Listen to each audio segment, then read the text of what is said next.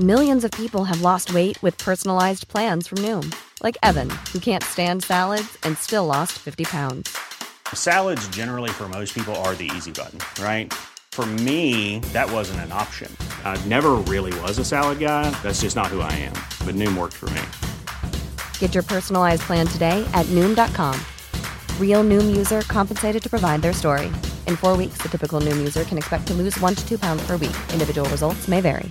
I'm Sandra, and I'm just the professional your small business was looking for. But you didn't hire me because you didn't use LinkedIn jobs. LinkedIn has professionals you can't find anywhere else, including those who aren't actively looking for a new job but might be open to the perfect role, like me.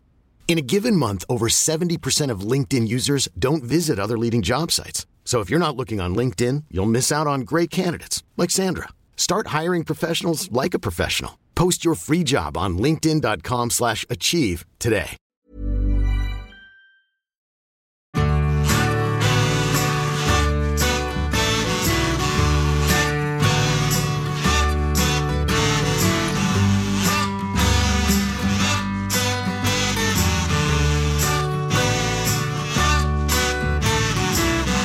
You say you don't wanna talk about it. You may rather be choking on it today, whether you like it or not. The words come stumbling out. The next stop's where I get off. Hej och välkomna till det fjortonde avsnittet av den här podden som heter Veckans samtal. Idag tillsammans med mig, Johan Alberg och Fredrik Wikingsson. Ja, Fredrik är ju ena delen av duon Filip och Fredrik och är ju bland annat programledare, tv-skapare, poddare, journalist och författare. Han tillsammans med Filip slog igenom 2002 när de gjorde det så omtalade programmet Ursäkta röran på TV4 och som fick stor uppmärksamhet.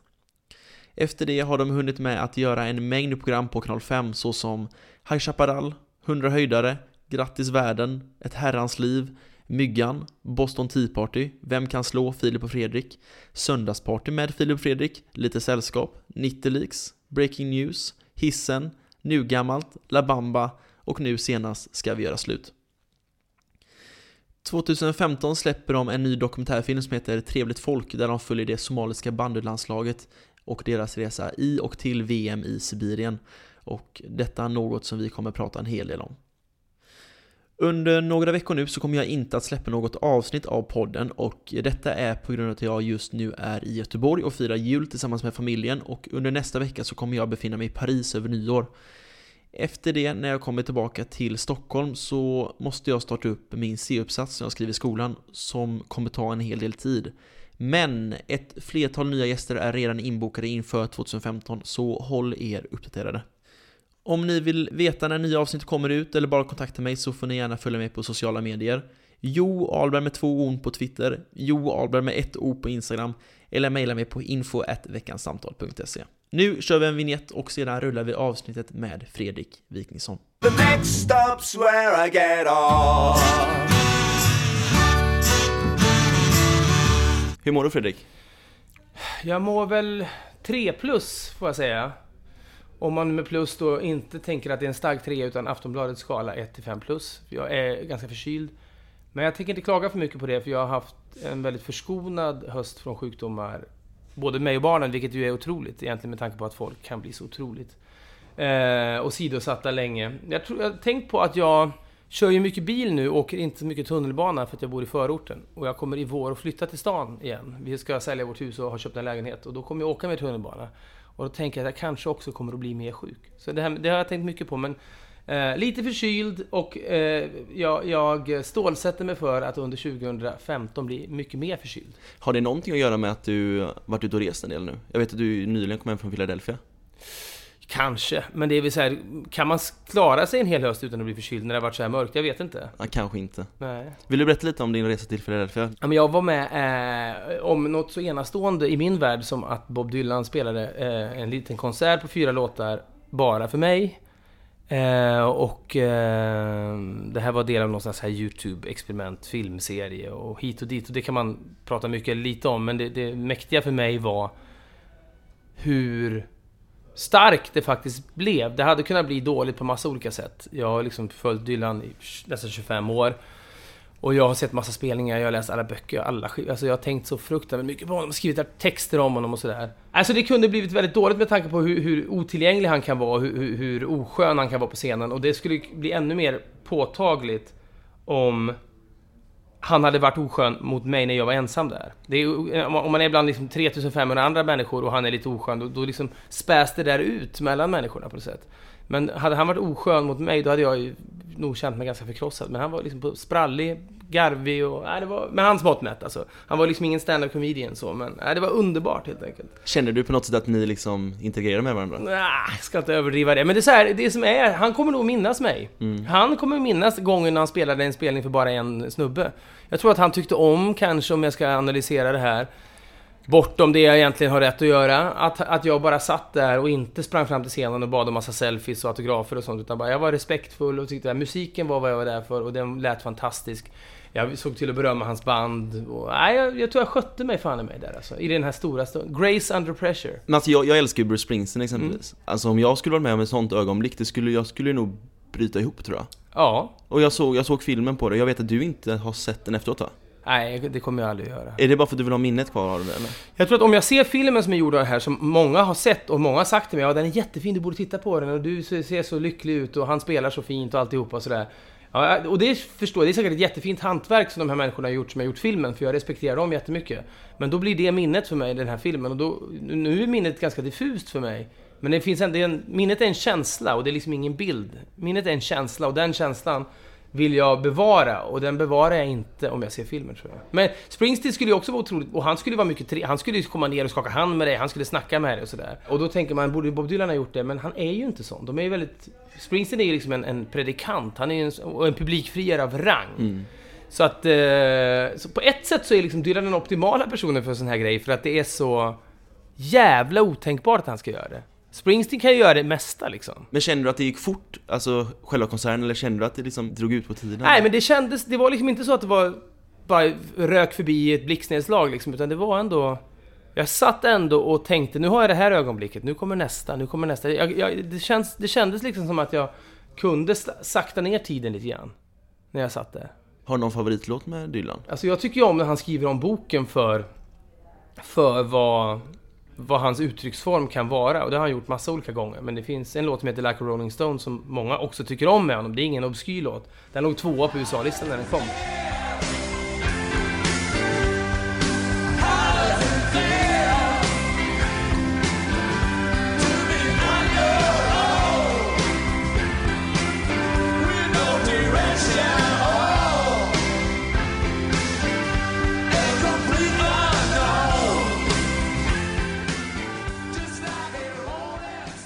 Men det han gjorde där var att släppa liksom en, en popsingel som dels var sex och och en halv minut lång och då låg över två sidor på vinylskivan så att DJ fick spela den, fick de vända på den och spela andra halvan. Och det var ju ovanligt då.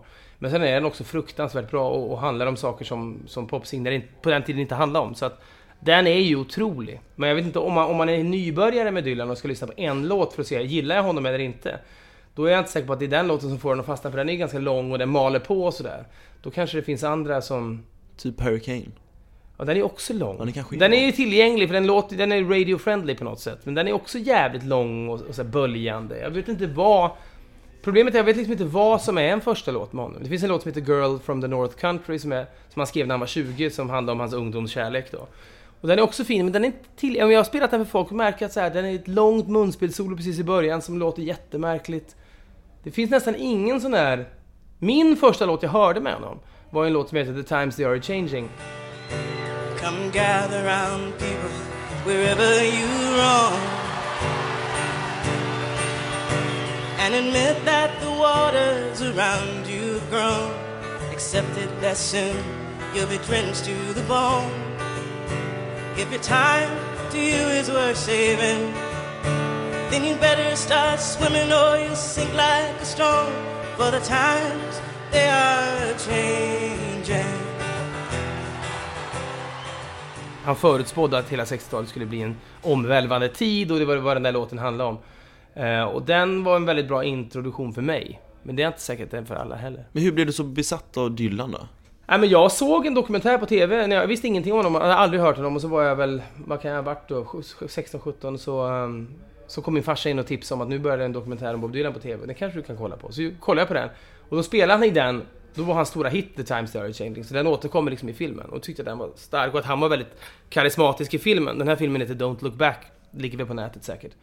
Eh, och han var så otroligt kaxig och cool i den. Så dagen efter så gick jag och köpte en skiva. Och sen, eh, ja, sen så har jag faktiskt aldrig slutat lyssna. The next stop's where I get off. Om du själv skulle få beskriva vem Fredrik Wikingsson är, hur skulle du beskriva dig själv då? Det är alltid fint när man hör människor säga, de får den där frågan, så utgår de alltid från pappa. Pappa till två döttrar, gift. så här. Och Men det är jag ju inte för gemene man. För gemene man är ju liksom en, en antingen är man med På spåret och sitter och liksom... Det, är där, det finns många människor som kan se en. Eller så är man TV-skapare, eller så här, som skriver, gör, gör program för Kanal 5, eller så skriver man lite artiklar ibland och lite böcker ibland och sådär. Men framförallt är jag väl... Jag försöker väl... Det roligaste jag vet tillsammans med Filip, det är att berätta saker. Antingen för varann, som i en podcast, eller eh, för tittare eller sådär i, eh, i TV-program. Så att, så här, eh, I bästa fall en underhållande berättare. Du förknippar ändå dig själv med ditt yrke, mer än ditt privatliv. Ja men grejen är att det är klart att man, man har ju, det är ju lika starka delar av ens identitet, men att säga att man är pappa, ja det är ju sjukt många som är det. Så att det är, det är ju, blir ju genast mycket vagare. För mig är det jag vet ju vad jag är för pappa. Det är tydligt för mig vad jag känner för mina döttrar, vad jag känner för min fru och allt det som är mitt, mitt familjeliv.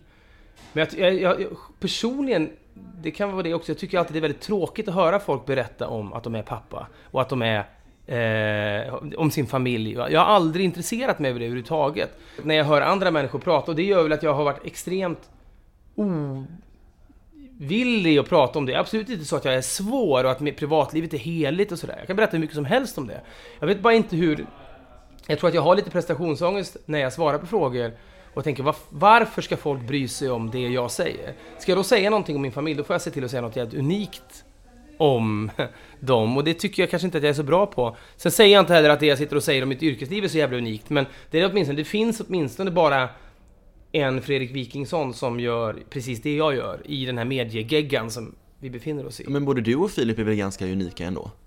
Det är väl fel att säga att ni inte är unika, för ni har ju verkligen slått igenom. Ja, men jag, kan, jag har inget problem att stå för att jag tycker att mycket av det vi gör är det ingen annan som gör riktigt. Och det tycker jag är, det, har ingen, det kan jag sitta och säga utan att jag tycker att det är så skrytigt. Det, det står jag för. Men det, och det, och det tycker jag bara inte att det är inte lika unikt det jag gör som pappa. När jag liksom lä- klär på strumpor eller borstar tänder eller lämnar och hämtar på skolan och sånt. Det är inte så unikt. Därför så tycker jag bara att det är mindre tråkigt att lyfta fram det. Men du är från Junisjö i alla fall? Du är från många olika ställen. Ja men vi flyttade svin mycket när jag var liten. Eh, så att jag är född i Vänersborg, jag har bott i Trollhättan, jag har bott i Ånge, jag har bott i Ljungaverk, jag har bott i Otterbäcken, jag har bott i Juniskär, sen har jag bott i Stockholm för det mesta. Men jag har bott i väldigt mycket hålor. Min farsa eh, jobbade i fabrik och så och det var väldigt mycket det var kristider tror jag, så här 75 och framåt i svensk näringsliv och industri och så. så att många fabriker som lades ner och han kom dit och sen så var man där några år så fick man flytta vidare. Så att vi flyttade jävligt mycket när jag var om Philips eh, grej med Philips uppväxt var att han hade en utvecklingsstörd syster, vilket gjorde honom intresserad av andra människor, etc. etc. Så kanske min, det som präglade mig under min uppväxt var väl ganska mycket att vi flyttade så pass mycket att man fick vara lite kameleontig när man kom till en ny plats och, eh, och försöka se hur man skulle smälta in och sådär. Men hade du social kompetens redan då? Jag hade nog hyfsat faktiskt. Jag, hade, jag var väldigt så populär eh, i, när jag gick i mellan, låg och mellanstadiet.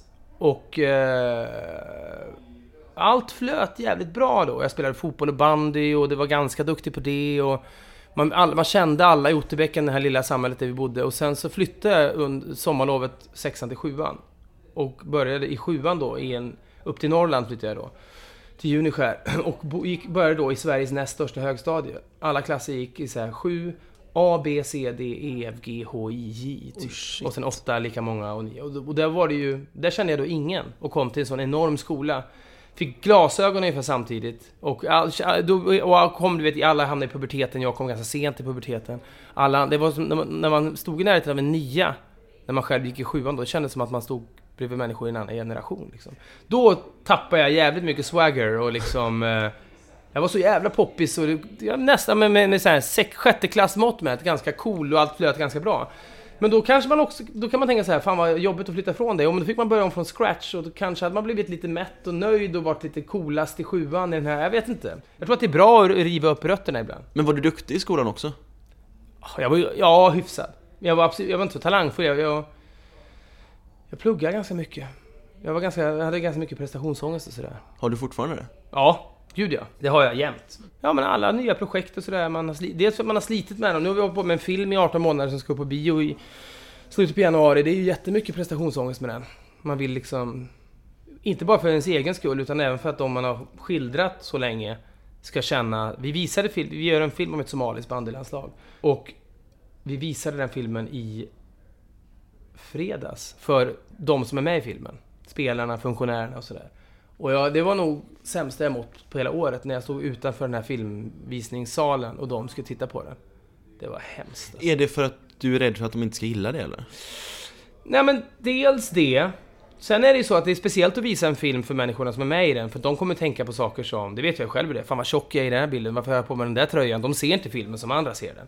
Men det jobbiga med, framförallt när man, när man skildrar människor från andra kulturer, kan ju också vara att man inte kan förutse vissa reaktioner, för att de kan också komma på grund av kulturskillnader. Att man inte vet om att det finns en oskriven lag i Somalia, att man inte filmar folk som ber kanske, du vet. Vi vet ju inte sånt, så därför kan man inte vara kaxig och säga det här kommer de att älska. Utan jag var väldigt ödmjuk och spak inför det där, men de var, det var toppen. Jag har hört dig säga i något sammanhang att du egentligen inte skulle vilja att det skulle gå på TV, saker och ting. Att du bara vill spela in saker men du skulle inte... Ja, exakt. Det- Det roliga är att spela in det, att spåna kring det och klippa det. Sen så kan man gå, sen kan man kasta det i Nybroviken, as far as I'm concerned. Jag bryr mig liksom inte. Att folk, det är inte alls för att jag får, ska få beröm av andra som jag gör det. Eller för att bli sedd eller något sånt där. Det är inte det roliga. Däremot den här filmen, den enda skillnaden där är väl att det är ett speciellt läge i svensk, liksom, i Sverige nu. Vad gäller liksom invandring och integration och sådär. Och då tror jag att den här filmen kan vara en inspiration för människor som tycker att det vore bra att bli av med den här rädslan som vi har i Sverige för främmande kulturer och sådär. Så på så sätt, jag säger inte att den här filmen är viktig, men jag tror att det de har gjort, de här människorna som har ägnat sig åt det här projektet, är viktigt. Och kan den här filmen... Vi har bara velat göra en jävla härlig feelgood film för vi vill att många ska se den.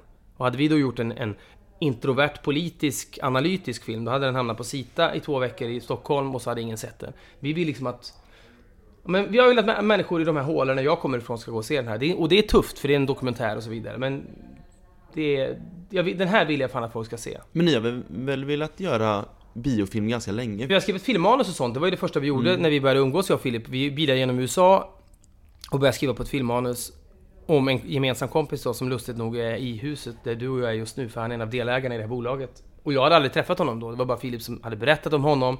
Han var en härlig karaktär och vi började skriva på ett manus och fick pengar för det här, började skriva flera versioner av det. Det var ju ett jättedåligt manus. Eh, men det, det ville vi gärna att det skulle bli av. Vi började sätta och filade på Guldbaggetal och sådär. Men, men vi har ju ingen kompetens överhuvudtaget i att skriva film. Och det är så jävla svårt att skriva en rolig film. Jag går och ser på bio i Sverige och ser trailers på svenska komedier och sådär. Jag är helt ointresserad av de där, när jag ser de där trailersen. Att det- Vad fan ska jag gå och se en svensk komedi för? Det ska mycket till för att den ska vara så jävla omvälvande så jag ska gå och se den. Är den här det då? Är den omvälvande? Nej men det här är ju någonting annat. Det, är liksom, det här är ju åtminstone det... Det här kan vi ju mer än att skriva drama. Att, eller du vet, att skriva ett manus här. Han kommer in i ett rum, haha, ska det bli kul. Det kan inte vi. Sen skulle vi kanske kunna lära oss det. Men det vi kan hyfsat, efter de här liksom, tio åren på kanal 5, är att försöka filma av någonting med mer eller mindre stor medverkan av mig och Filip i bild. Och få det att svänga. Och hitta historien i det. Och det tycker jag att vi har gjort här. Jag tycker att det här är en rolig film. Jag tycker att den är... Det finns otroligt mycket känslor. Folk... Men jag, de mest hårdbarkade människorna som jag känner som har sett den här filmen, som ändå börjar gråta vid vissa tillfällen i den här. Och, så det är en känslosam och fi- Jag är väl- väldigt glad i den här filmen. Men vad, de, vad andra människor kommer att tycka, det har jag faktiskt ingen aning om. Men förändras ditt synsätt på hur film eller tv-program ska produceras? Alltså rent att du vill förmedla någonting på en annan nivå än förr typ? Ja, men det... Ja, det är en bra fråga det där. Jag tycker ju att... Det, det har vi känt länge att... Vi kan nog ha dåligt självförtroende och prestationsångest på många sätt, men ibland är vi också på det klara med att vi har åkt runt i landet, eller i världen, framförallt i Sverige, lyft på stenar, hittat situationer och figurer. Så när man filmar av dem känner man, det här är bättre än någonting två stycken liksom, snubbar i Stockholm vid en laptop kan skriva ihop. Det här finns på riktigt. När vi åker härifrån, då pågår det här fortfarande. Och det finns en underliggande styrka i det, att det sker på riktigt. Och då har vi sagt att det där, varför skulle inte det kunna hända på bio? Varför måste, man, varför måste det gå på TV när det är så jävla bra? Och det är inte, alltså, så det är inte bra för att vi står och säger bra grejer, utan det som händer, att, det, att man kan skildra det. Eh, så att på så sätt är det ju en annan sorts biofilm än det som går på bio i övrigt. För dokumentärer i Sverige är ju nästan alltid om döda gubbar. Palme, Ebbe, Afzelius. Search for Sugarman är nästan om en död gubbe, så att säga. Och då tycker jag liksom att det här kan också finnas på bio, men det är kanske... Det är svårt att lära folk det också. Det folk är ju liksom... Det är svårt så in i helvete med bio och få, få veta vad som folk kickar på. Se på Gentlemen nu som har gått upp, som har kostat 96 miljoner eller vad fan det är. Det var 10 000 som såg första helgen. Vilket ju är, vad jag förstår, katastrofsiffror liksom. Ehm, så att jag, jag har ingen aning, men jag, jag tycker liksom att jag tycker att det, det svensk film borde göra mer, det är att, att ta lite mer såna här chanser som jag som de verk, tycks ha gjort nu, svensk filmindustri, med den här filmen. Okej, okay, vi, vi, vi har ingen aning om vad som funkar. Vi, Gentleman kan vi liksom, det är en av Sveriges kändaste böcker. Den kostar 96 miljoner. Nej, det funkar inte ändå. Eh, Hallenbåtsflyktingen går upp. Josefin Bornebusch, Jonas Karlsson. Största namnen vi har i Sverige. Nej, funkar inte ändå. Eh, det är ändå så att det är i deras ögon säkra kort. Det här är ett otroligt osäkert kort. Somalier, det är liksom Svenskar har ingen relation till Somalia överhuvudtaget, förutom att det är en stor invandrargrupp. Bandy, dokumentär. Det är mm. bara osälja ledord i hela satsningen. Men produkten är bra, tycker jag, om jag får kalla det för produkt. Mm. Eh, och vi får se. Vi... Jag tänker, jag blir ganska babblig kring det här, för jag tänker så mycket på det just nu. Och det vi verkligen har sagt till varandra, vi kan liksom inte luta oss tillbaka nu. För att vi tycker att det är en bra film vi måste ägna hela liksom, januari och lanseringen åt att verkligen övertyga folk om det här. Det går inte att tjata in folk i salongerna. Men det går heller inte att bara luta sig tillbaka och tänka äh, det här löser sig självt. För det är assvårt. Vi måste liksom tänka på hur vi ska kommunicera den här filmen när man gör intervjuer och sådär. Liksom... Men hur stor del tror du att du och Filip är i det? Just i liksom marknadsföringen för den? Ja, men jag tror vi kommer ju använda alla våra kanaler. Vi har mycket följare på Instagram och Twitter och sånt där. Vi, är också, vi för oss ganska bra i morgonsoffer och vi, om, om vi kan får vi vara med och Skavlan så, kommer, så vet ju Skavlan-redaktionen om att det inte kommer bli stentrist när vi sitter där. Eh, och det ökar ju chansen att vi får då hamna i Skavlan. Så jag vet inte jag om de, ser, om de ser filmen innan och tänker att det här var helt värdelöst, då kanske de inte vill ha oss där. Men det som är bra med oss, om jag får säga det så, om jag pratar krasst liksom kommersiellt, är ju att jag vet själv hur det är när man bokar gäster till program. Kommer det här att svänga eller inte? Så är man osäker på det. Ska vi bjuda in den här regissören som har gjort det här? Tänk om det blir stentrist? Ah, vi kan inte göra det. Med oss två, med reservation för att vi är mediegubbar och att folk inte vill ha hur mycket mediegubbar som helst i, i TV. Så kommer det ändå svänga om vi sitter där. Och det gör att vi kommer att få göra ganska mycket intervjuer kring den här. Även Karin af Klintberg som är superhyllad TV-makare liksom. Och Anders Helgesson då, som inte är lika publik men som är briljant, som har varit med och regisserat. Ja, så på så sätt så är det ju viktigt att jag och Filip är med tror jag, för vi kommer att hamna i många intervjuer och kan pusha i våra egna kanaler. Men jag tror också att i bästa fall finns det några där ute, potentiella publikbesökare, som gillar det jag och Filip gör, eller har gjort. Som tänker, ha somalier och bandy, det låter inte så mycket eh, att hänga i julgranen, men äh, nu litar jag ändå på att om Filip och Fredrik säger att de är stolta över det här, då, då är det nog bra. I bästa fall kan några gå in första helgen, se filmen, och i bästa fall tycker de om den och twittrar, smsar kompisar, här måste ni se den, var ju fantastisk, vilken känslostorm. För att det är första helgen mycket kommer att hänga på, för om den här toktankar första helgen, då kommer den försvinna från bio ganska fort. Så funkar det ju. Ni gör ju väldigt mycket nya saker hela, hela tiden och nu inte allra minst då Ska vi göra slut mm. som går. Som jag tycker var jättebra, eller är jättebra. Ja, vad kul. Hur viktigt för dig är det att liksom göra nya saker, eller för er, dig och Filip? Ja men, att göra nya saker där har heller aldrig funnits någon sån här gameplan. Man kan man säga, vi började på kanal 5, så det första vi gjorde var en programserie som heter High Chaparral. Som ju funkade väldigt bra. och Vi träffade liksom, man kallar det för liksom före detta stjärnor i Hollywood och ser vad som händer när lamporna släcks och så hänger vi med dem och så är det lite tokigt och så ibland, ibland lite allvarligt och sådär. Det finns ju vissa TV-makare som hade kanske, ja, nu är det det här man gör. Men vi kände redan när vi gjorde säsong två i mitten av produktionen, ja men nu börjar man ju kunna det här. Det blir nästan en kliché för en själv. Vi, vi pratar om, okej, okay, Vad är boatriden den här gången? För att man kan inte bara prata, man måste ha en boatride. Eller en liksom cykla omkring så att det blir lite härliga bilder. Och så fort man börjar hitta liksom skelettet och formeln för vad det är som gör att någonting funkar, då kan det också bli lite dött för en.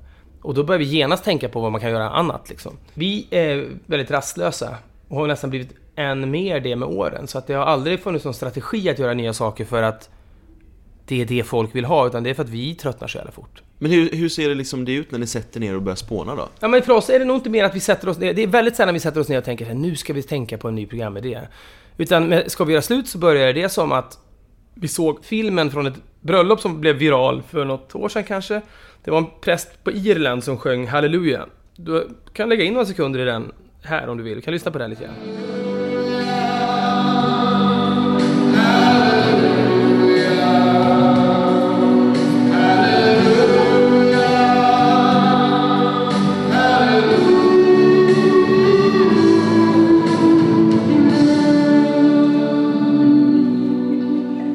Såg du det klippet? Han står och sjunger Halleluja.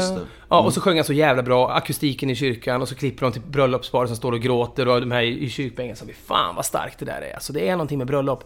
Tänk om vi skulle göra en serie när vi åker på åtta bröllop i sommar och Dels berättar man kärlekshistorien bakom paren, man träffar liksom brorsan till brudgummen som är skitnervös för att hålla sitt tal, man kanske peppar honom och coachar honom lite grann. Man kanske kan fixa någon som kommer in och sjunger. Du vet, så man får det här gåshudsögonblicket. Det är fan vad härligt. Så var vi liksom, var jävligt inne på ett kärleksprogram och så happy endings och sådär.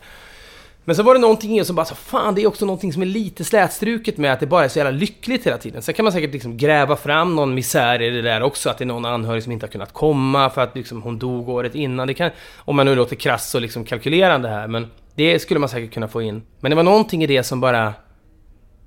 Man kände att det var som att man hade, överdoserat på socker redan man innan man ens hade börjat spela in. Fan vad gulligt det här kommer bli, fan vad puttinuttigt. Okej, men om vi tar motsatsen till bröllop, vad är det? Ja, men det är när det, när det skaver. Och det har, kan man ju känna igen i själv om man är i en relation, man har varit i relationer så här, När man är i det här läget, fan är det värt att hålla ihop det här eller inte? Där finns det ju någonting mer, kanske, att berätta om än bara lycka. Och då bara whoosh Kastade vi ut det gamla, som redan var klart. Kanal 5 hade redan beställt det. Så ringde vi upp dem och sa äh, nu, nu vill vi nog göra ett annat program istället. Alltså, vi älskar ju dem på Kanal 5 på det. det ibland får vi krönikörer som skriver de borde vara på SVT, Filip och Fredrik. De gör SVT-lika produktioner och så SVT som bra plats och sådär. Det är det kanske. Men det, man fan inte får glömma bort med Kanal 5 att vi kan göra sådana där saker. Vi kan ringa någon så här, två veckor före inspelningsstart och säga nej, vi har skickat det där programförslaget. Nu vill vi göra raka motsatsen. Och så säger de okej. Okay. Så ringer de tillbaka tre timmar senare. Nej, men vi litar på er. Så att det är ju asmäktigt. Men ofta är det så idéer föds, att man kanske är... Man har någonting. Åh! Tårar på bröllop, det är starkt. Det finns mycket där. Okej, okay, men efter ett tag inser man att tvärtom, där finns det också någonting. Så att det är mer så. Recensenter har ju kallat er för att ni gör mobba-tv och sådär Mm. också. Hur känns det kring det? Alltså den kritiken liksom? Men så här, man kan aldrig... Man kan liksom egentligen inte tycka så mycket. Det, det värsta är så, det enda jag kan bli förbannad på, det är ju liksom när recensenter säger de åker dit och är ironiska. N- när, de, när de tillskriver en känslor och avsikter man inte har. Och det, kan de, det vet de inte om. De kan skriva så här, det känns som att de åker dit för att mobba. Ja, då, det är fair enough, då har vi kommunicerat det dåligt. Eller så har de en felaktig Planning for your next trip? Elevate your travel style with Quince. Quince has all the jet setting essentials you'll want for your next getaway, like European linen, premium luggage options, buttery soft Italian leather bags, and so much more. And is all priced at 50 to 80% less than similar brands. Plus, Quince only works with factories that use safe and ethical manufacturing practices. Pack your bags with high-quality essentials you'll be wearing for vacations to come with Quince. Go to quince.com slash pack for free shipping and 365-day returns. I'm Sandra, and I'm just the professional your small business was looking for. But you didn't hire me because you didn't use LinkedIn jobs. LinkedIn has professionals you can't find anywhere else, including those who aren't actively looking for a new job but might be open to the perfect role, like me. In a given month, over 70% of LinkedIn users don't visit other leading job sites. So if you're not looking on LinkedIn, you'll miss out on great candidates like Sandra. Start hiring professionals like a professional. Post your free job on linkedin.com/achieve slash achieve today. Hey, it's Ryan Reynolds, and I'm here with Keith, co star of my upcoming film, If, only in theaters, May 17th. Do you want to tell people the big news? All right, I'll do. Sign up now and you'll get unlimited for $15 a month in six months of Paramount Plus Essential Plan on us. Mintmobile.com slash switch. Upfront payment of $45 equivalent to $15 per month. Unlimited over 40 gigabytes per month. Face lower speeds. Videos at 480p. Active Mint customers by 531.24 get six months of Paramount Plus Essential Plan. Auto renews after six months. Offer ends May 31st, 2024. Separate Paramount Plus registration required. Terms and conditions apply if rated PG. Bild, eller en, en, en viss bild av oss. Men när de skriver att egentligen är de bara ironiska, egentligen är de inte intresserade, de låtsas bara står väldigt så här. Då kan jag säga, men lyft luren och fråga. Då kan jag säga så här, men vi är intresserade. Vi bryr oss på riktigt. Men så när folk tillskriver en det, då blir jag förbannad. De får tycka vad de vill och det är, det, det är så de försörjer sig och betalar sina räkningar. Men jag blir förbannad när, när, när de påstår att man eh, har avsikter man faktiskt inte har. Och jag menar, jag kan inte ens... Det är klart, när vi gjorde Ursäkta röran, och det ett program på TV4 för 12 år sedan, då fanns det ju stenhårda och elaka drag i det. Men var inte det kommunicerat från kanalen också, att det skulle vara det? Ja, men det kan ju... Det, det kan inte jag skydda mig bakom. Det måste jag ju som upphovsman stå för vad jag gör, och det gör jag också. Så här, då, vi fick frågor där liksom, att tycker ni att det är schysst mot den här och den här personen att ni gjorde det här? Och då sa vi så här, ja, det är klart att det inte är schysst, men det är kul. Och, och som jag tror vi uttryckte det, på den svarta humorns altare måste det ligga ett och annat offerlamm. Eh, och det, tidigare har det varit mer coolt och, och acceptabelt i humorsammanhang när folk gör satir genom att klä ut sig till andra och gör karikatyrer. Och jag minns att vi gjorde en elak intervju med någon som, eh, Robin, Emma Andersson hette hon, som, som då eh, kallades för Robinson-Emma när vi ställde massa frågor till henne som anspelade på nazismen och hon genomskådade inte det och så blev det någon slags krock där. Och den, vi tyckte den var liksom en rolig bild av historielöshet bland unga människor. Och kanske hade vi kommit undan med det lättare om vi hade sagt Obs! Detta är en ironisk drift med unga människors historielöshet. Titta här! Men vi tyckte det var så tråkigt att förklara oss, så vi bara så här, skicka ut det istället. Liksom. Och då gjorde att det blev mycket mer omtalat. Och sen så var det någon som skrev på Expressen, någon kulturmänniska, det här minns jag fortfarande. För jag, jag tyckte det var så felaktigt och dumt. Eh, att den där sketchen, eller det där inslaget hade blivit roligare om någon hade klätt ut sig till Robinson-Emma istället. Och det är en så här totalt motsatt syn på vad jag tycker är roligt. Jag tycker att verkligheten alltid är mer spännande och intressant än det påhittade. Och det är det jag menar med dokumentär också. Att åka ut och filma av saker som sker på riktigt. Om det också svänger så tycker jag att det är starkare än att bara hitta på någonting i en laptop och sen få skådisar utföra det. Samma sak här, att, att, ut, att, att klä ut någon till Robinson-Emma och antyda att hon inte vet någonting om historien. Det tycker jag är elakare än att hon... Det är klart det är mer smärtsamt att se henne på riktigt då. Jag säger inte att hon är korkad för att hon inte genomskådar det här. Hon kan ha huvudet på andra... Hon kan tänka på annat och liksom... Eh, det där var bara en intervju och sådär.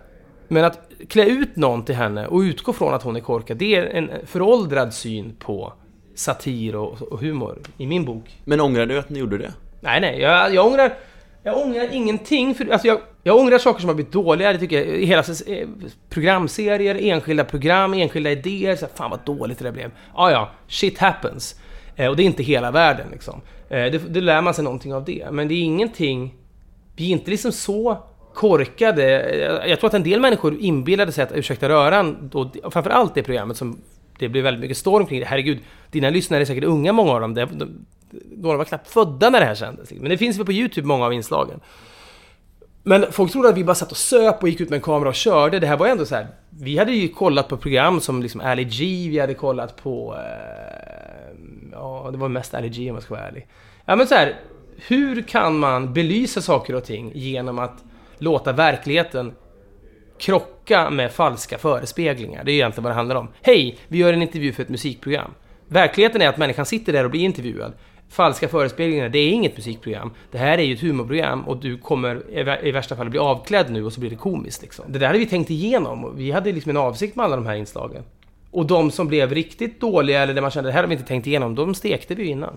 Men hur, hur fick ni det programmet? Jag vet att det var sidekicks på Hello Sydney. Innan ja. Sydney ja exakt. Två år innan, ja. Mm. ja. Det här fick vi för att vi gjorde en pilot tillsammans med en kille som heter Martin Persson och en annan kille som heter Henrik Bastin. Inte Chibi Persson? Nej, det hade varit jävligt mäktigt. Nej, det här är en annan. Martin Persson gjorde senare en annan del av Köping och, och jag har jobbat jättemycket med honom, med honom sedan dess också.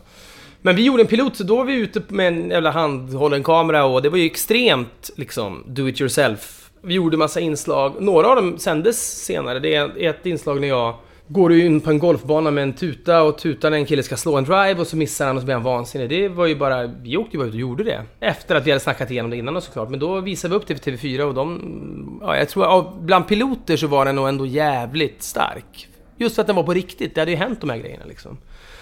Men... Det är så väldigt många människor får chansen. Jag får ju ofta frågan så här, ni verkar ha ett så skönt liv och jag vill göra precis det ni gör och så här, det verkar så gött. Och så är de otåliga, så är de 17 år och vill göra det här och nu och det förstår jag. Även om jag var liksom 28, 29 nästan när vi spelade in piloten till Ursäkta Röran. Så att vi hade gjort massa saker innan det. Och så mycket räkmacka som det ser ut har det inte alltid varit. Och piloter, det är alltid det jag får säga, men gör någonting. Nu är det billigare och enklare än någonsin att göra det. Och, du, och, så, så, och så folk hatar ju att höra lägg det på YouTube för att tänka, vad fan, då är det ingen som kommer att kolla. Nej, men, men är det bra så kommer de att göra det. Hade YouTube funnits 2002, när vi gjorde Ursäkta Röran-piloten, och vi hade lagt den på YouTube, och det är inte den grejen som vi gjorde, det vill säga den där sortens TV, inte hade varit så uttjatad som den kanske är nu, då hade den nog blivit ganska stor, för den var bra. Så att det handlar ju bara om det, man får försöka göra bra grejer. Men hur mycket tror du det handlar om att sticka ut också? För att du blev väldigt omtalat ju. Tror du som det hade en del i att ni kom fram på ett sätt som... Ja, det tror jag att det blev. Det var ju att det gick på TV4. Hade det gått på ZTV hade ingen brytt sig. Nu gick det på TV4 som en sån här familjekanal och det, det är så sunda värderingar och hit och dit. Så liksom, är det här... Folk ringde ju till TV4 innan det ens hade haft premiär och sa att det här är det sämsta de någonsin har visat. Det var ju väldigt laddat alltså. Och då fanns det inte så många. Jag tror att nu, efteråt har ju, efter att Ja, men Big Brother hade väl börjat gå då och sådär också, men nu, nu händer det så jävla mycket så att jag vet inte... För att det kommer såna här grejer, du vet, det kommer Kungen av Tylösand, det blir det skandal. Det kommer skandaler jämt. Så här. Inte för att det är nytt, utan för att kvällstidningarna måste ha innehåll. Det är väldigt mycket det. Så då, då, då kommer det liksom skandaler. Och det kan säkert vara en skandal, vad vet jag? Jag kan inte definiera vad en skandal är. Men en skandal blir ju mer spännande i mitt tycke om det inte har hänt tidigare. Många av de skandalerna som, som publiceras år efter år är ju bara liksom idisslat av sånt som har hänt tidigare. Men vilket av alla program ni har producerat är du mest stolt över då? Svårt ju. Inte för att vi har gjort så jävla mycket bra, det är inte det jag säger. Men, ja, men det är alltid grejerna, tror jag, man har gjort på fältet. När man har just lyft på stenar och hittat grejer och visat saker som existerar i periferin. Det är ju roligast tycker jag. Och på så sätt fanns det en serie som heter 100 höjder när vi träffade original då ute, ute i landet i hålor och i mellanstora svenska städer och sådär. Där liksom vår tanke var att de här originalen finns i alla städer men jag vet själv hur det är, ingen pratar med dem, ingen frågar varför de har en brandhjälm på huvudet varje dag sedan 1969. För att man pallar liksom inte riktigt, det verkar lite för konstigt. Och det är lätt, nästan lättare att göra när man blåser in med en kamera. Så det tycker jag blev... Det var upp och ner såklart, men det tyckte jag... Det, det är nog ändå det... Jag skulle säga ändå. Sen fanns det massa brister i det. Det var bara massa gubbe, gubbe, kärring, gubbe sådär. Alltså det var ju bara möten efter varandra. Det fanns ingen större tanke i berätt, berättandet av det. Men det kanske inte behövdes med det heller. Det kanske var perfekt att det var sju minuter gubbe och sen klart liksom.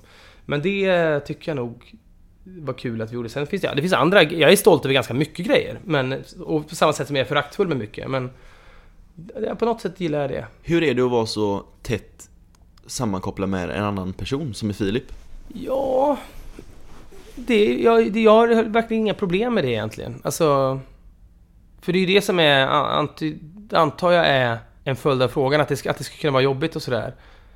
Men jag tycker inte det. Jag tycker att det är, Jag möter också väldigt många människor som eh, jobbar med liknande saker som tycker att det är så som är avundsjuka på att det skönt, måste vara skönt att ha någon att bolla med och liksom och att det blir mycket roligare man åker iväg till Sibirien och filmar av ett bandy-VM eller något sånt där. Det är att ha någon att dela liksom både de här minnena med och att... Ja, men jag tycker bara att det är positivt. Det är, det är bökigt ibland för att vi bor så långt ifrån varandra nu. Eh, men det kan också vara bra för jag tror vi hade slitit hål på varandra om vi hade liksom suttit ihop som, vi gör, som det ser ut som att vi gör i TV. Liksom. På vilket sätt kompletterar ni varandra då? Men han är mycket han är bättre än jag på att tänka utanför boxen om det gamla uttrycket får användas. Jag är nog bättre på att rita upp boxen, att det är gött att ha en box och sådär. Men han kommer på lite mer... Han är lite snabbare på att komma på... Ja men vad fan, vi kan ju göra någonting som är här borta istället. Han är bättre på det än vad jag är. Sen tror jag att jag kan vara bra på att liksom få lite ordning på hans idéer. Och att, att uh, vi... Lite skämtsamt och vulgärt så brukar vi säga att det är han som sprutar och jag som bestämmer när vi ska svälja. Att, att eh, det kommer massa idéer från honom och då kan jag tycka ja, mm, ja men där har vi någonting. Men vad händer om vi tar den idén och stoppar den här istället? Så att på så sätt är vi ganska bra. Och så där är det säkert med många som jobbar ihop två och två eller hur många man nu är. Att man har olika sidor av varandra som, som liksom gör att det blir bättre. Såklart, men trivs du att jobba i grupp liksom? Ja, ja, oh ja. Jag tycker det är kul ibland. Nu, jag skrev en artikel om den här Bob Dylan-konserten för Dagens Nyheter.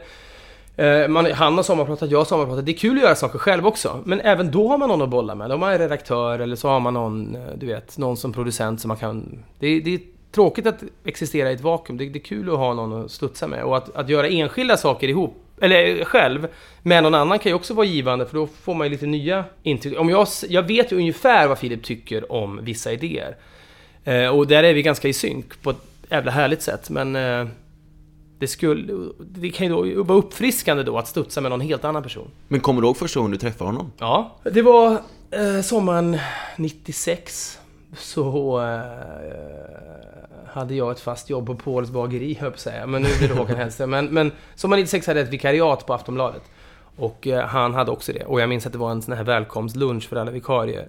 När man skulle käka någon risig pastasallad eller något sånt där. Och då satte han sig bredvid mig för att vi var liksom, ja, men samma sorts figurer, vikarier på nöjet liksom. Så det var första gången. Hur var det då?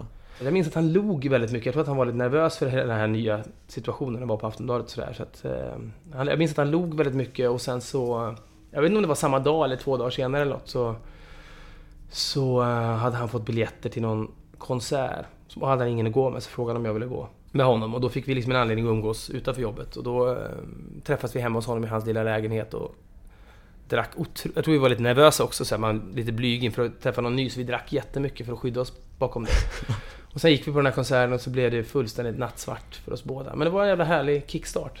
Men kände det aldrig att det klickade direkt? För vissa personer så, man känner väl att man klickar med vissa bättre än andra? Ja, men vi klickade nog, men det finns också ganska mycket önsketänkande inbegripet där på så sätt att man vill ju så hemskt gärna att det ska klicka med någon. Samtidigt som man inte vill vara för tydlig med det, för det blir lite patetiskt. Liksom, att så här, hoppas att vi kan bli vänner nu. Det, då blir man ju... Det, det kan ju bli obehagligt. Stalker-varning liksom. Så att... Eh, jag tror att det klickade inte riktigt på riktigt förrän vi bilade genom USA ihop. Och det var liksom ett halvår senare. Det, var, det, det kan man inte göra med vem som helst. Det kan... För då, men om man inte är kompatibla med varandra, då, då blir en sån resa ganska jobbig. För det är extremt intensivt ju. Ni har ju sån extrem USA-kärlek, känns det som. Mm. Var, vart kommer den ifrån? Ja, den kommer nog från den här resan. Alltså, sen var det ju så här, man matades ju med det där när man växte upp. Det var inte så mycket intryck man fick från andra länder i televisionen och så här. Det var ju liksom... Det var USA. Och om det var en tv-serie som Dallas, där man fick se hur Texas såg ut, eller om det var liksom Woody Allen-filmer när man fick se hur New York såg ut, eller om det var Seinfeld, man fick se hur New York såg ut. Jag har alltid haft en väldigt stor längtan till USA. Av den anledningen tror jag att man har sett så mycket, fått så mycket intryck från filmen eller TV. Och den där första resan var ju perfekt. Då var man en vecka i New York först och det var helt otroligt. Och sen fick man bila genom hela liksom, södern och det var ju fantastiskt. Jag tror att hade den resan varit, gått sämre så hade man nog inte alls... Jag, måste, jag vet inte hur... Jag har varit i USA 40 gånger kanske sen dess. Säkert. Ja, det är otroligt. Det är ju, ja. Ja men det är för jag, jag ska dit i övermorgon i, med min familj i tre veckor. Det är en jävla tur att min fru gillar det så mycket. Men hur kommer det sig att ni åker dit från första början? Då? Jag och Filip? Ja. Nej men vem fan vill inte åka genom USA? Nej men jag menar, bestämde ni bara ja, nu ska vi bila genom USA? Jag kommer faktiskt inte ihåg hur idén föddes, men... eh, Det är ju ingen liten resa liksom. nej, nej. Men nej, jag, jag faktiskt... Ja, det minns jag inte. Men att... Det verkade oemotståndligt bara. Och vi hade inte pengar. Alltså jag var ju, jag, när jag kom hem hade jag 26 spänn kvar på kontot. Helt blackad var jag. Och hade liksom inget jobb. Jag var lärarvikarie också, så jag var ju helt utblottad efter det där. Jag åkte upp till Sundsvall, fick bo hemma hos mina föräldrar i två, tre veckor, för jag hade liksom inte råd med hyra ens. Och sen fick jag liksom börja ha någon strategi för hur jag skulle börja försörja mig. För jag satte, jag satte allt på ett kort, på det där jävla USA-kortet liksom. The next stop's where I get off. Just nu är ni med på På spåret. Mm. Och jag, du får, du får inte säga hur det gick för jag vet att allting är inspelat och klart. Men Mm. jag är helt övertygad om att ni tar hem det där i år. Emellanåt så känns det som att du är, med all kärlek nu, men lite autistisk. Ja. Du är, eller både du och Filip, extremt allmänbildade. Håller du med om det? Ah, i På spåret tycker jag Filip är vassare än vad jag är, ärligt talat. Vissa grejer kan, kan jag liksom pricka in. Jag får ångest nu när du, när du säger att du tror att vi tar hem det, för att så, så höga förväntningar ska du inte ha på oss, ärligt talat. Men, Okej. ja, men så, det gick bra, jag ska inte säga mer. Eh, och det är jätteroligt att vara med där, även man är också med för att man är skyldig Christian Lok en tjänst, för han har varit med i något annat program två år tidigare så, så att det är inte så att man sitter där för att fan vad sugen jag att visa upp mina kunskaper. Det är ganska jobbigt att sitta där. Det är inget kul tror jag att vara Epstein och Nordegren och vara liksom kulturella giganter på P1 och få råsop i två matcher och åka tillbaka till jobbet sen. tror jag är tufft. Eh, inte lika tufft som att jobba i en kolgruva i, i Chile, låt säga, men, men med, utifrån ens egna, ens egna vardag liksom. Men, eh, äh, men vi är väl hyfsat... Jag tror också På spåret, det finns tusen olika programformat där vi skulle funka sämre. Jag tror att På spåret är ganska lämpligt för oss, därför att vi är hyfsade på ordvitsar. Eh, om de säger att vi är på väg mot en televiserad golfklubb, då kan Filip tänka GKs. Fan, Mm. det är ju varuhuset i Ullared. Det har ingenting, det är inte så mycket med allmänbildning att göra som att man kan lägga ihop GKs. Alltså, så jag tror att vi är rätt lämpade. Och vi, vi är också TV-människor, så vi förstår kanske lite grann hur i ryggraden hur frågesporten är uppbyggd och sådär. Medan man kommer in från P1 och ett, kan vara hur allmänbildad som helst. Ja, men det är inget snack om att Epstein Nordgren är förmodligen kan fler saker än vi, men det, de är inte lika lämpade då för... Det var två stycken som vi mötte i, i På spåret och som vi besegrade. Men vi är väl okej, jag tror vi är, vi är okej. Men vi... Eh, Men ni är ju mer allmänbildade än gemene man. Det må... Ja, det kanske vi är. Det är, det är möjligt att vi är. Men vi är, vi är väl ganska nyfikna på saker liksom. Då fastnar vi saker bättre. Hur tillskansar du information då? Det är inte, ja, men jag, försöker, jag, ser, jag tycker om att se dokumentärer på TV och eh, på film och jag försöker läsa lite tidningar. Men jag läser, ju, vet, DN så läser jag, skummar jag kulturdelen på två minuter, kastar ifrån mig den i avsky för att det inte bjuds på någonting den här gången heller. Sen tar jag mig an huvuddelen och så tänker jag nu borde jag läsa. Men gör jag inte så ofta. Jag, vet, jag, jag, tar, jag tar in så mycket. Jag, på Twitter läser jag ju ganska mycket länkar. Så Twitter är nog min största källa till liksom. Ja, det är så. Ja, jag följer ganska många människor. Så det, är liksom, det blir ganska mycket snabbskrollande, men man får ju mycket bra länkar där liksom. Jag har eh, förberett ett litet quiz till dig. Mm, oh ja, du, jag kommer att vara chanslös. Men Ja, kör! Vi, vi får se. Vem var USAs president år 1939? Det var- är ju inget problem. Det är Franklin Delano Roosevelt. Ja, det är rätt. Också enda president som satt i fyra mandatperioder. Just det. Men sen dog han mitt i den fjärde såklart. Så, men ja. Vem var USAs president år 1974 då? Då var det, ja det var både Richard Nixon, Nixon och Gerald Ford. Ja, det stämmer också. Han avgick ju då. Det är så där kan jag, men fråga vem som är Ja, ministrar i Sverige så är jag helt körd. Det kommer väl antar jag. Ja. Vart föddes Bruce Springsteen? Oj! Det blir så, alltså i delstaten New Jersey antar jag, men vilken stad antar jag? Ja, men det är New Jersey var jag ute efter här. Ja, okej, ja men då så. Titta, kom ihåg nu vad duktig jag är nu när, jag, när det börjar fallera här senare. Vart kommer Leonard Cohen ifrån? Kanada, och ska jag gissa stad så skulle jag väl gissa på... Montreal? Ja. Ja. Det, det tog jag bara för att Bob Dylan gjorde en spelning där i Montreal och så drar han en låt, igång en låt och så säger han This is for Leonard if he's still here. Och då var Leonard Cohen i publiken. Man tänker ju inte, på- lägger inte märke till sånt där. Nej, men jag, med Bob Dylan märker jag, lägger jag märke till allt. Nej, men vissa grejer i min, i min så kallade allmänbildning kommer ju av att det, att det råk, att, det, att, att jag kan, att allt som har med Bob Dylan att göra fäster. Och då kan, Bob Dylans universum kan bli ganska stort om, det, om små detaljer tillåts ta plats också. Så att eh, det finns ju mycket jag kan, som jag kan för att Bob Dylan har pratat om det. Så att, eh, men inte, ja. Sen det finns ju begränsningar även till det universumet. Men, men Montreal med Leonard Cohen, bevisligen då. Vad är den kemiska beteckningen för svavelsyra? H2SO4 kanske? Ja. Ja, det var bra. Okej, vi fortsätter. Vem fick Nobelpriset i litteratur förra året? Alltså 2013. Alice Munro? Mm. Mhm. Vilket år gick första avsnittet av tv-serien West Wing? Oj, vad svårt du. Jag skulle tro att det var 1998 eller 1999. Eh, jag får nog säga 99. Stämmer också. Mm, bra. Vilken är huvudstaden i Uganda? Ja, det vet jag för jag har precis varit där, Kampala. Ja, var du där nyss? Jag var där i augusti.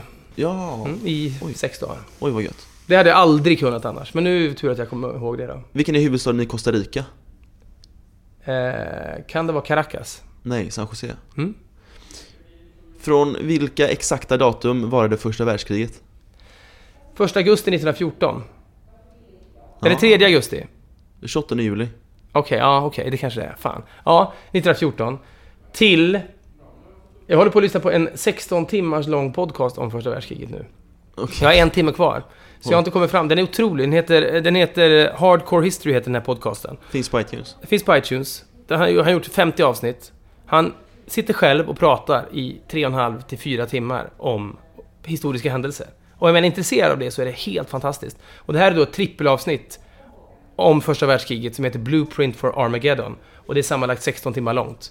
Helt, helt, det är också vad man också kan göra med en podcast. Ja, visst. Eh, Det är som en ljudbok egentligen. Men eh, det slog slut 1918. Jag, kan, jag, gissar att det var... Nej, jag, kan inte... eh, Oktober 1918. 11 november. Okej, ja. Hur gammal är Ingvar Oldsberg? Svårt. 71. 69. Ja. Ifrån vilken stad kommer Gunde Svan? Eh, Dala-Järna. Ja. Vilket år dog Mark Twain?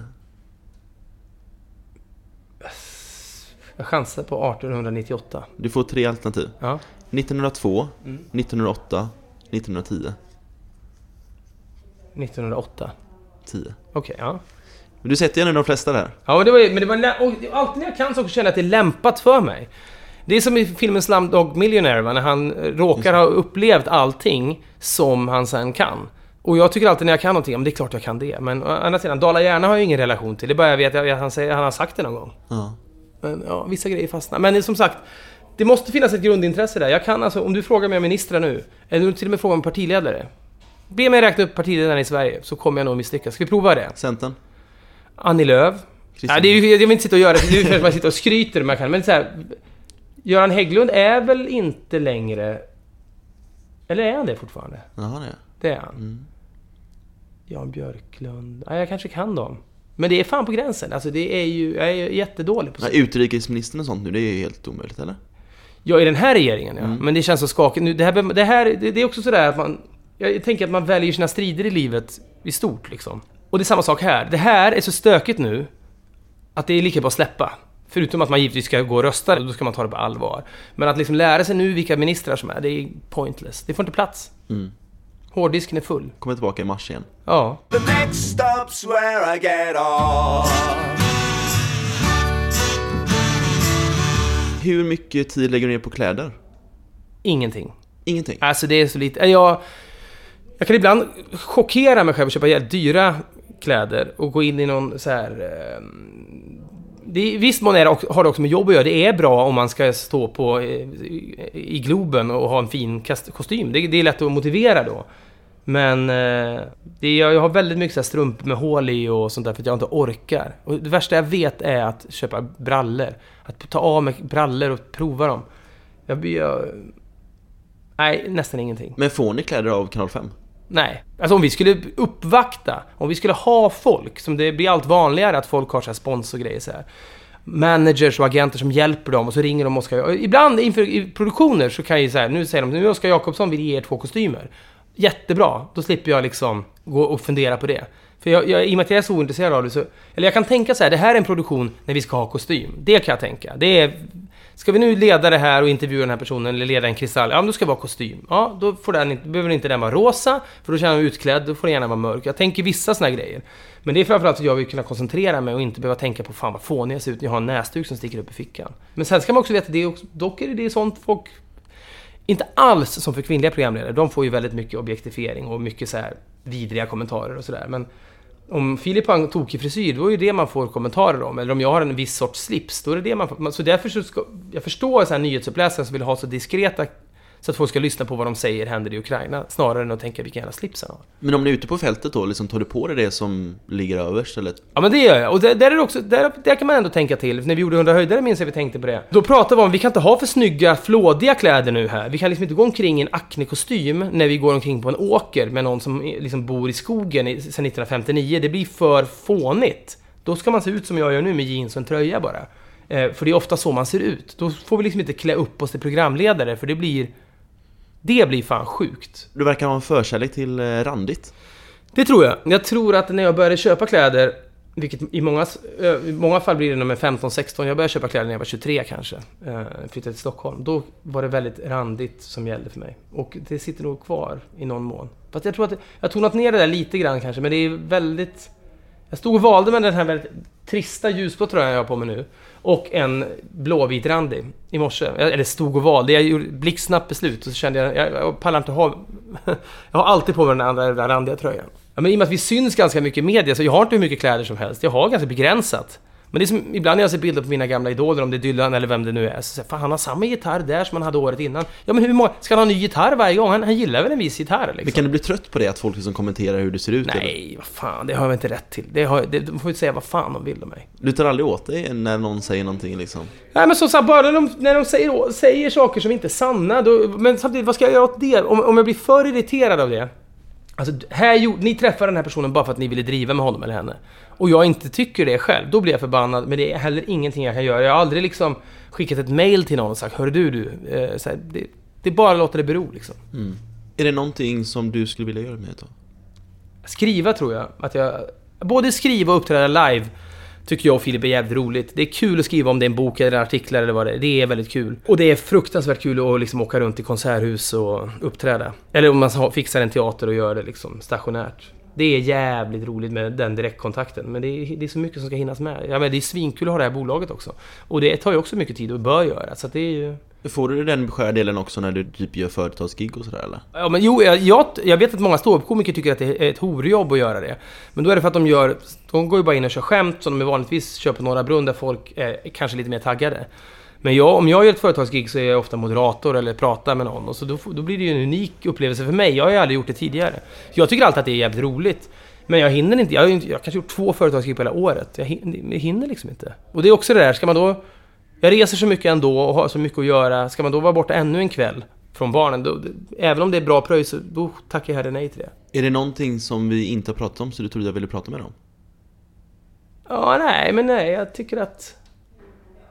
Vi har väl ringat in en och annan sak här. På ett bra sätt. Tusen tack för att du tog dig tid. Du, tack ska du ha! Härligt! Härligt. Får, får vi en handskak? Lite vagt i bakgrunden där.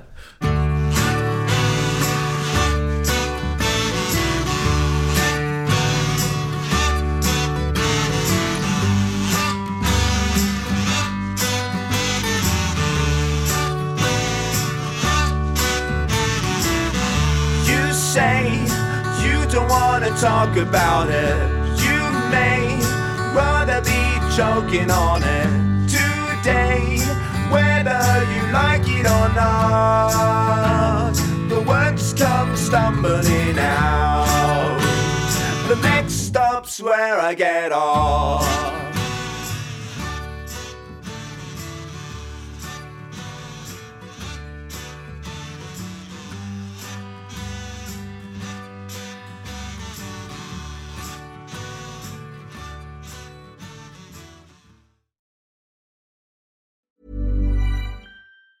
Hi, I'm Daniel, founder of Pretty Litter. Did you know cats tend to hide symptoms of sickness and pain? I learned this the hard way after losing my cat, Gingy. So I created Pretty Litter, a health monitoring litter that helps detect early signs of illness by changing colors, saving you money and potentially your cat's life. Pretty Litter is veterinarian developed, and it's the easiest way to keep tabs on your fur baby's health right at home. Go to prettylitter.com and use code ACAST for 20% off your first order and a free cat toy. Terms and conditions apply. See site for details.